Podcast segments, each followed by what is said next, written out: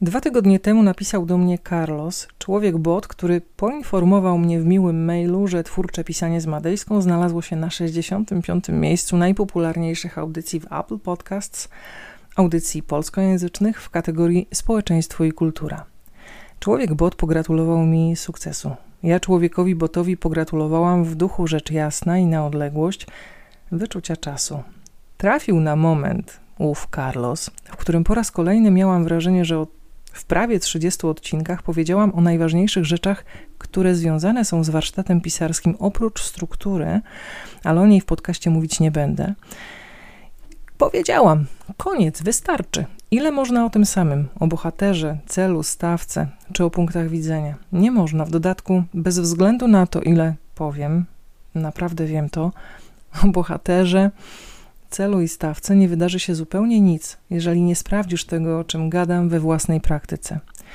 Wiem, że w internecie popularne jest powtarzanie treści. Na blogu, którego na razie nie będę prowadzić, na Facebooku, na Instagramie, w podcaście i znowu na blogu, na Facebooku wciąż to samo, ale trochę inaczej i znowu to samo, ale trochę inaczej, a czasem to samo, tak samo.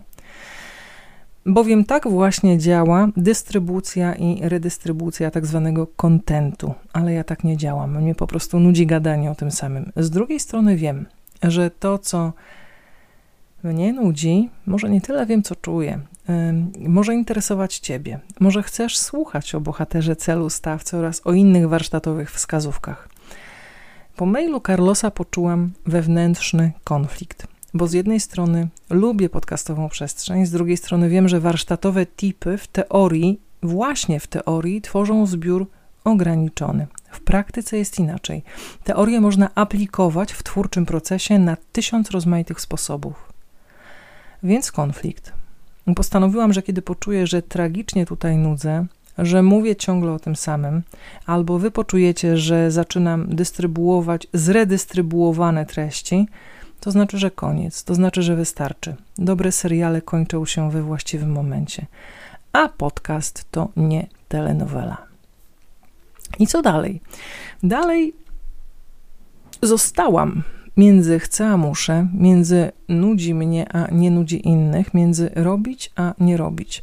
Dołączyła się do tego praca nad powieścią i praca w grupie, z grupą, w obu przypadkach, e, w pracy ze sobą nad tekstem, ale też e, nad tekstami i z tekstami innych, staje się patologiczną poszukiwaczką konfliktów. I tak sobie myślę, że konflikt to nieodłączna część życia twórczego człowieka, nieodłączna część życia człowieka, nieodłączna część życia w ogóle. Dzień dobry, dobry wieczór. Nazywam się Ewa Madejska, to jest 29 odcinek twórczego pisania Niespodzianka z Madejską. Dzisiaj opowiem o konflikcie, przede wszystkim literackim. Opowiem o nim ogólnie, bo na szczegóły przyjdzie czas.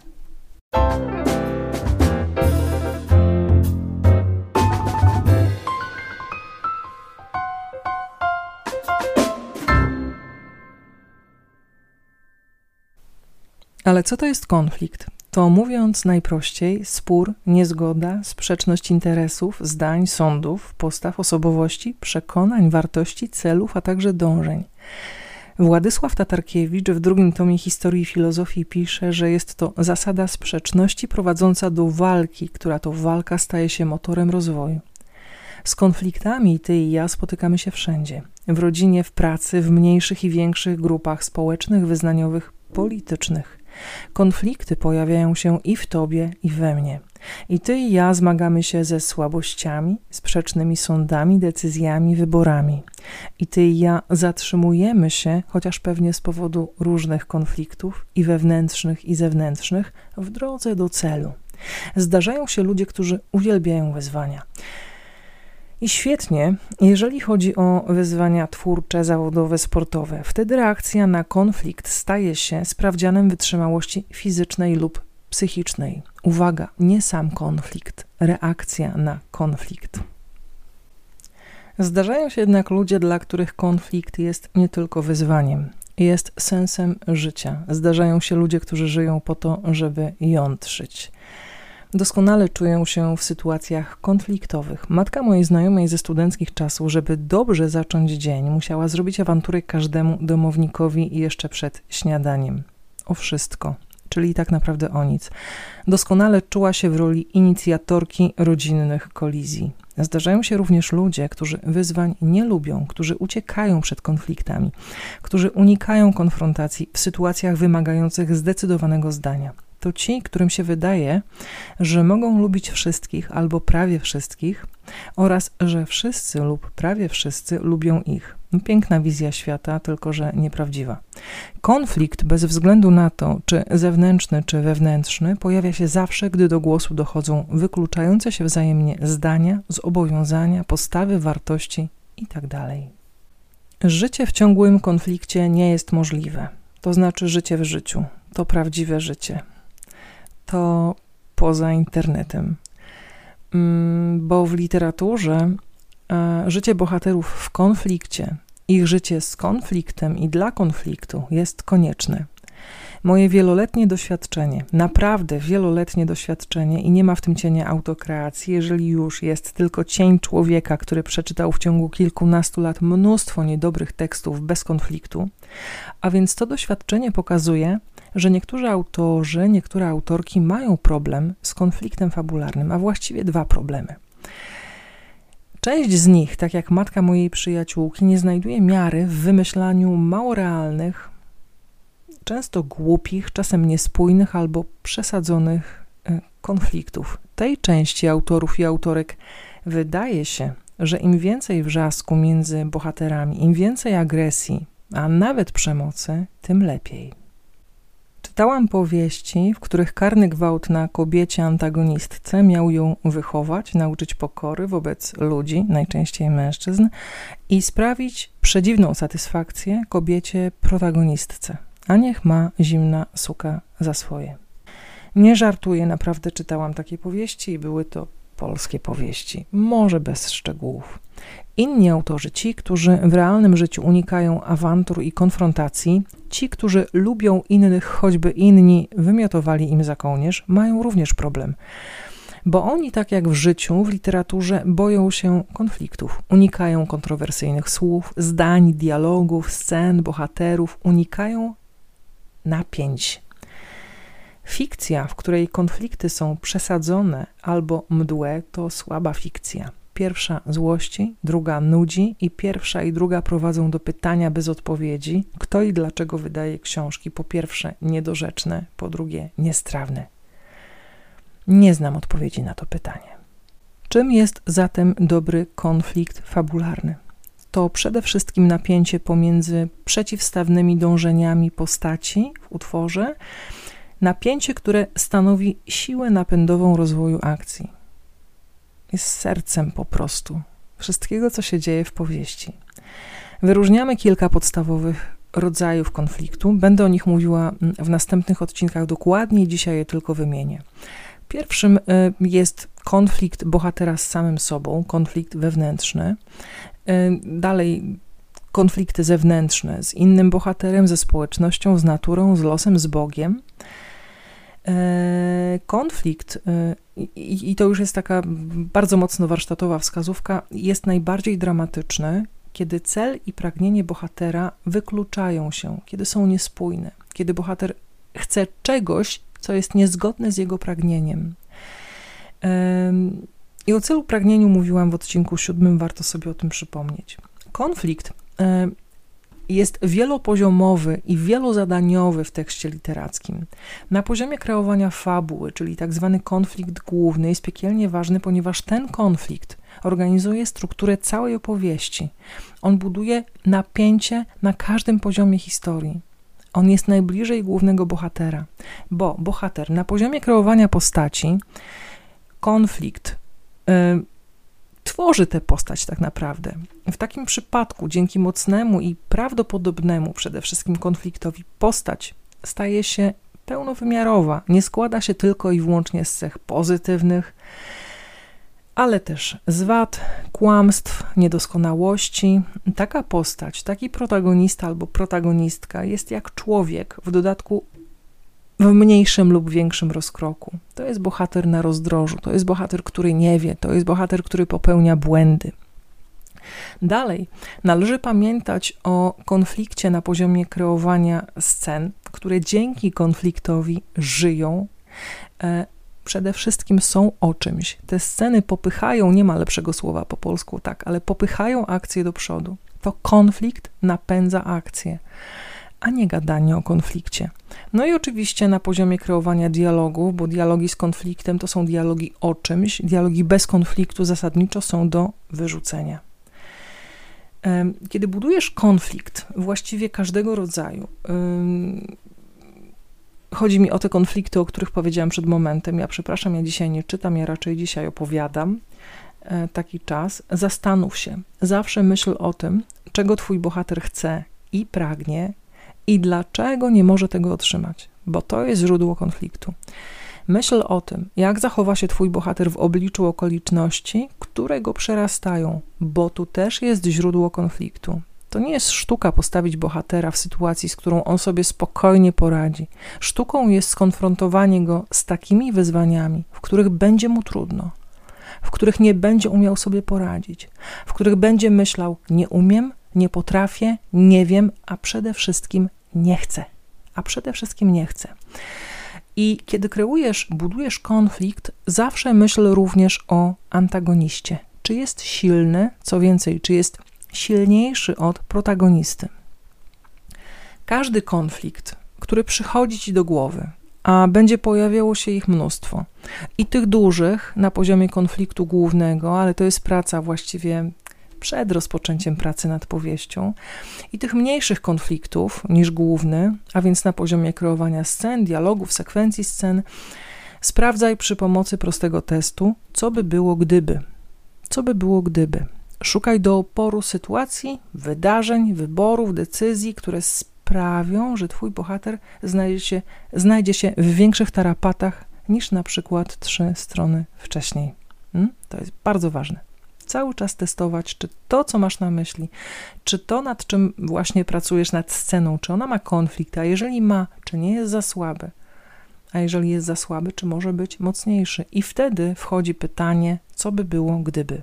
W rozmaitych gatunkach literackich konflikt buduje się na różne sposoby. W thrillerze akcji konflikt będzie związany właśnie z akcją.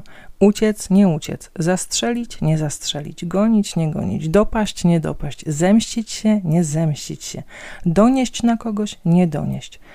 W romansie konflikt buduje się raczej na półtonach, zupełnie inaczej. Wyznać miłość, nie wyznać miłości. Zakochać się, nie zakochać się, zdradzić, nie zdradzić, powiedzieć, nie powiedzieć, przespać się z kimś, czy wyspać się samotnie. Każda konfliktowa decyzja, każdy konfliktowy wybór powinien prowadzić do kolejnych scen z konfliktem. Jak się uczyć sztuki budowania fabularnych konfliktów? Czytając, podglądając, sprawdzając własne reakcje na to, co zatrzymuje cię w prozie innych, no bo o ciebie chodzi. Jaki rodzaj napięcia w literaturze buduje napięcie w tobie? Jakie historie najbardziej angażują twoje emocje? Jakie komplikacje w historii innych autorów, autorek sprawiają, że nie możesz się oderwać od książki? Czytaj świadomie, jeżeli potrafisz. Rób notatki na marginesach książek. Ucz się, inspiruj się. Ostatecznie dojdziesz do więcej niż nudnego, moim zdaniem, wniosku że opowieść z dobrym konfliktem to opowieść, w której bohater ma konkretny cel. Nawias, odcinek siódmy, zamykam nawias. W dodatku cel z dobrego powodu, czyli ma motywację, lecz nie może tego celu osiągnąć, gdyż spotykają go przeszkody i komplikacje, których autorem jest mocny antagonista. Uwaga, antagonista, przeszkody i komplikacje. Oto przepis na dobre konflikty. Czytelnicy, czytelniczki oczekują historii, w których bohater, bohaterka nie tylko działa, ale też walczy, żeby zdobyć to, czego chce. Walka to też działanie, dużo jednak intensywniejsze niż działanie w rodzaju spacer brzegiem morza w blasku zachodzącego księżyca albo słońca. Czytelnicy, czytelniczki to okrutna publiczność. Publiczność, która nie wybacza dróg na skróty. Publiczność, która nie chce, by twój bohater siedział na mchu. Publiczność, która pragnie, by czołgał się jednak po szkle publiczność, która jednocześnie chce czuć empatię, chce troszczyć się o Twoje postacie, chociaż tak bardzo lubi, kiedy je czołgasz, kiedy je tyrasz, kiedy je upokarzasz, kiedy je upadlasz. I taka publiczność wie, że to w walce kształtują się charaktery. Tak jak mój czy twój charakter. I ty i ja hartowaliśmy się w trudnych wydarzeniach, nie w słodkich koglach, moglach. Podsumowując, konflikt to jeden z najważniejszych elementów opowieści, albo inaczej, konflikt to kolejny najważniejszy element opowieści. Bardzo chciałabym kiedyś powiedzieć, że część warsztatowych kwestii można sobie odpuścić, ale nie powiem, bo nie można. Konflikt to napięcie między przeciwstawnymi dążeniami postaci. Konflikt to czasem zwykła wymiana zdań, w której bohaterowie prezentują odmienne postawy, chcą czego innego, a czasem konflikt to walka na śmierć i życie. Konflikt główny organizuje strukturę całej opowieści, jest związany bezpośrednio z celem bohatera lub bohaterki. Cała reszta, cała reszta to mniejsze lub większe konflikty w scenach proaktywnych albo reaktywnych, które obracają się wokół konfliktu głównego. O szczegółach związanych z konfliktem wewnętrznym i zewnętrznym w następnych odcinkach. I na zakończenie przypomnę, że wciąż trwa rekrutacja na warsztaty e, sierpniowo, wrześniowo, październikowe, 14-tygodniowe, na których mówię dużo więcej niż tutaj o wszystkim, o konflikcie również. Mm, konflikt, e, tak jak cel, stawkę, pragnienie i motywację, takie ładne słowo jest polskie, e, młotkuje właściwie od początku. I to są ważne warsztaty, bo to, co mówię tutaj, można sprawdzić, możesz sprawdzić w działaniu, w pisaniu, i to jest moim zdaniem tak naprawdę najbardziej efektywna nauka pisania z feedbackiem, z informacją zwrotną, z reakcją grupy. Mm, dokładny plan warsztatów znajdziesz pod adresem ewamadejska.pl łamane przez warsztaty. E, to 14-tygodniowy, jak wspomniałam, projekt z warsztatowymi spotkaniami co dwa tygodnie oraz ze spotkaniami międzywarsztatowymi, żebyśmy utrzymali energię grupy również co dwa tygodnie, a więc spotykamy się co tydzień przez 14 tygodni. To są spotkania, na których dzieje się więcej niż możesz sobie wyobrazić. Ja nie wiedziałam, że na prostym Zoomie, wydawałoby się prostym Zoomie, można zbudować naprawdę fenomenalne relacje. Więc wiedzy i narzędzi będzie, jest mnóstwo, pisania również, wprawek i opowiadań, ogrom dynamicznej informacji zwrotnej do każdego tekstu i na każdych zajęciach oraz bonus oczywiście. Konsultacja indywidualna w ciągu trzech miesięcy od ostatniego spotkania w grupie, w trakcie której każdy otrzyma analizę i recenzję tego, co napisał, e, napisała w tym czasie, w ciągu tych trzech miesięcy. No i z błogosławieństwem oczywiście na dalszą drogę, moim twórczym błogosławieństwem. Rekrutacja trwa do 3 sierpnia, więc zgłaszajcie się, przychodźcie, bo powiem Wam, że y, tak jak wspominałam, chciałabym chyba od tej formy y, pracy odpocząć moment, bo jest mnóstwo rzeczy dookoła, które mnie interesują, a to jednak jest mocno drenujące i energetycznie, i intelektualnie wyzwanie również dla mnie i czasowo, bo, bo, bo każdemu tekstowi poświęcamy mnóstwo czasu i uwagi komentarze, krótkie notatki pod każdą wprawką. To jest to wszystko, co dostajecie. No, dostajecie teraz też na koniec konflikt, bo musicie sobie zostać w konflikcie. E, zapisać się, czy nie zapisać się na warsztaty? Zainwestować, czy nie zainwestować? E, konflikt, w którym pozostawił mnie wspomniany na początku Carlos, wciąż trwa. Zastanawiam się, czy znajdę się na przykład na fenomenalnym 64. miejscu w Apple Podcasts w kategorii społeczeństwo i kultura. A i jeszcze jedno na sam koniec. Mm, otrzymuję od Was informacje, że moje newslettery trafiają do spamu. Ja nie wiem, dlaczego tak się dzieje, no tak się dzieje. No i pojawiają się prośby od tych, którzy się zorientowali wcześniej albo później, bym wysłała raz jeszcze to, co wcześniej wysyłałam, ale nie ma takiej możliwości, chyba nawet technicznej. To, co wyszło, poszło i nie wróci. Nie ma takiej opcji. Więc jeżeli jednak nie chcesz przegapić listów ode mnie z jakiegoś powodu, bo może mnie lubisz albo lubisz to, co piszę, dodaj mój adres mailowy do listy kontaktów i tak będzie najbezpieczniej. Ten adres to kontakt małpa ewamadejska.pl. A jeżeli tego nie zrobisz, to pewnie trafię do śmietnika. Z drugiej strony, wszystko wcześniej albo później trafia do śmietnika. Tymczasem do usłyszenia. Serdecznie pozdrawiam. Do widzenia, do zobaczenia. Mam nadzieję, że na warsztatach. No i tyle chyba. Bardzo jest u nas gorąco. Bardzo. Jutro ma być deszcz, więc w oczekiwaniu na deszcz ściskam Cię serdecznie.